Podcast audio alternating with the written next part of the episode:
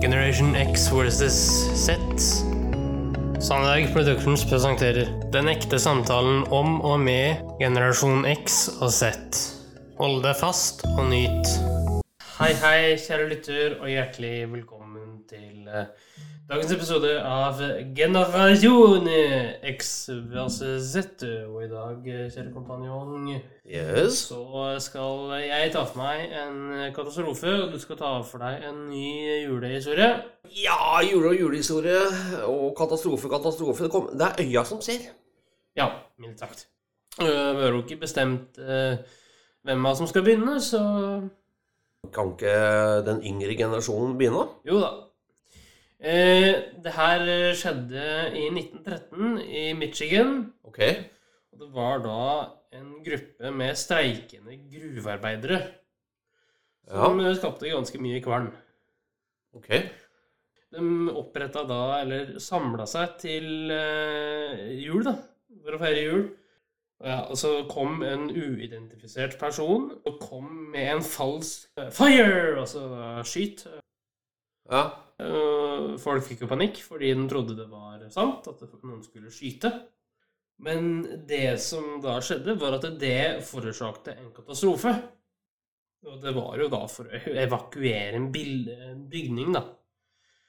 Oi, hva skjedde? Altså Nei, det var en som kom og så sa uh, 'fire', da, i, uh, da med falske intensjoner. Og Det skapte kaos. ja, rett og slett. Og folk døde jo, ikke sant. Så her, det var jo 73 som ble drept. Ja. I kaoset, da. I kaoset, ja. Eh, og det som eh, den heter i ettertid, det er jo eh, 'The Case of the Italian Hall Disaster'. Så Ja. Det var en tragedie, det det. var jo en tragedie, vet du. Eh, Det står jo her at det var en katastrofe, og det kan vi vel kanskje si oss enig i. Ja. Også når det her kommer ut, så er vi jo midt oppi den såkalte julestria. Eh, Og det er egentlig bare for å gi en liten advarsel til folk om at eh, ro ned. Eh, det haster ikke så mye, eh, som regel. Og du tenker på sånn overfylte butikker og sånn. Ja. Ikke la deg skremme. Nei. Senk roen. Mm, ja. Ja. ja. Godt tenkt da, Henrik. ja. Det kommer jo rett inn i eh, det lille eventyret jeg skal fortelle om. Ok. Ja. Og det heter Speilet og splintene. Ja. Når vi er ved enden av denne historien, Henrik, så vet vi mer enn det vi vet nå. For det var et riktig ondt troll vi skal ha med å gjøre i denne historien. Det var et av de aller verste. Det var djevelen selv. I ettertid, Henrik, skal jeg spørre deg hvem djevelen egentlig var. Mm. En dag var han riktig fornøyd med seg selv, for han eh, hadde laget et speil. Det var et helt spesielt speil som gjorde slik at alt godt og vakkert som eh, speilet seg i det, svant hen og ble nesten ingenting.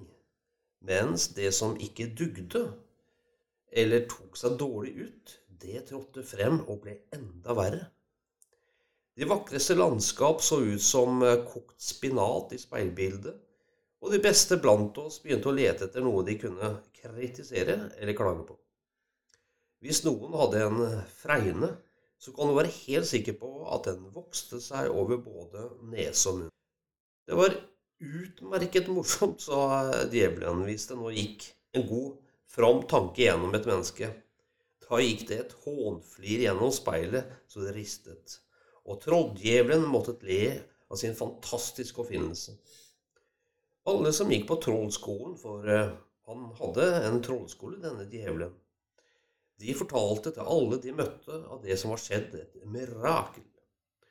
Nå kunne man endelig se, mente de, hvordan verden og menneskene egentlig så ut. De løp omkring med speilet og viste det til alle de møtte.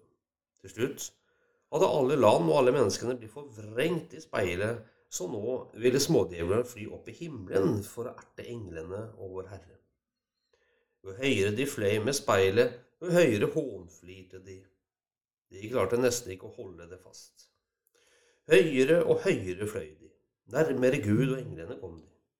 Da ristet speilet så fryktelig i sitt hånflir at det glapp ut av hendene deres og styrtet ned mot jorden, da det gikk i hundre millioner eh, billioner knas. Slik gjorde speilet enda mer skade og ulykke enn før. Noen av speilsplintene var ikke stort større enn små sandkorn som fløy rundt om i hele den vide verden, og overalt fikk folk dem i øynene. Der ble splintene sittende slik at menneskene bare la merke til ting som var feil. Hvert lille speilkorn hadde like mye krefter som hele speilet hadde hatt. Noen mennesker gikk det enda verre med. De fikk en liten speilsplint i hjertet. Det som var så ugruelig fælt, var at slike hjerter ble til en isklump. Ja, Det var jo en veldig um, Skal vi kalle det absurd historie? Nja uh, Hvem er djevelen, Henrik? Nei, uh, jeg vil vel si at djevelen er Guds venstre hånd. Ja, og hvem var det? Nei, hvem er det? Det må jo nesten våre prestevenner svare på det. Ja, jeg Eller drister teologvenner, da. Ja. Jeg drister meg hen til å si, Henrik, at uh, uh, djevelen her er uh, mennesket selv. Ja, på et vis så kan jeg være enig, men Det kommer opp på hva man ser, og hva man tolker ut ifra det. ja, akkurat. Mildt sagt. Og neste uke så høres vi også, selvfølgelig. Det gjør vi. Hva kommer da? Nei, da blir eh, faktisk eh, Om en uke i dag så kommer eh, The Texas 7 del 1 ut.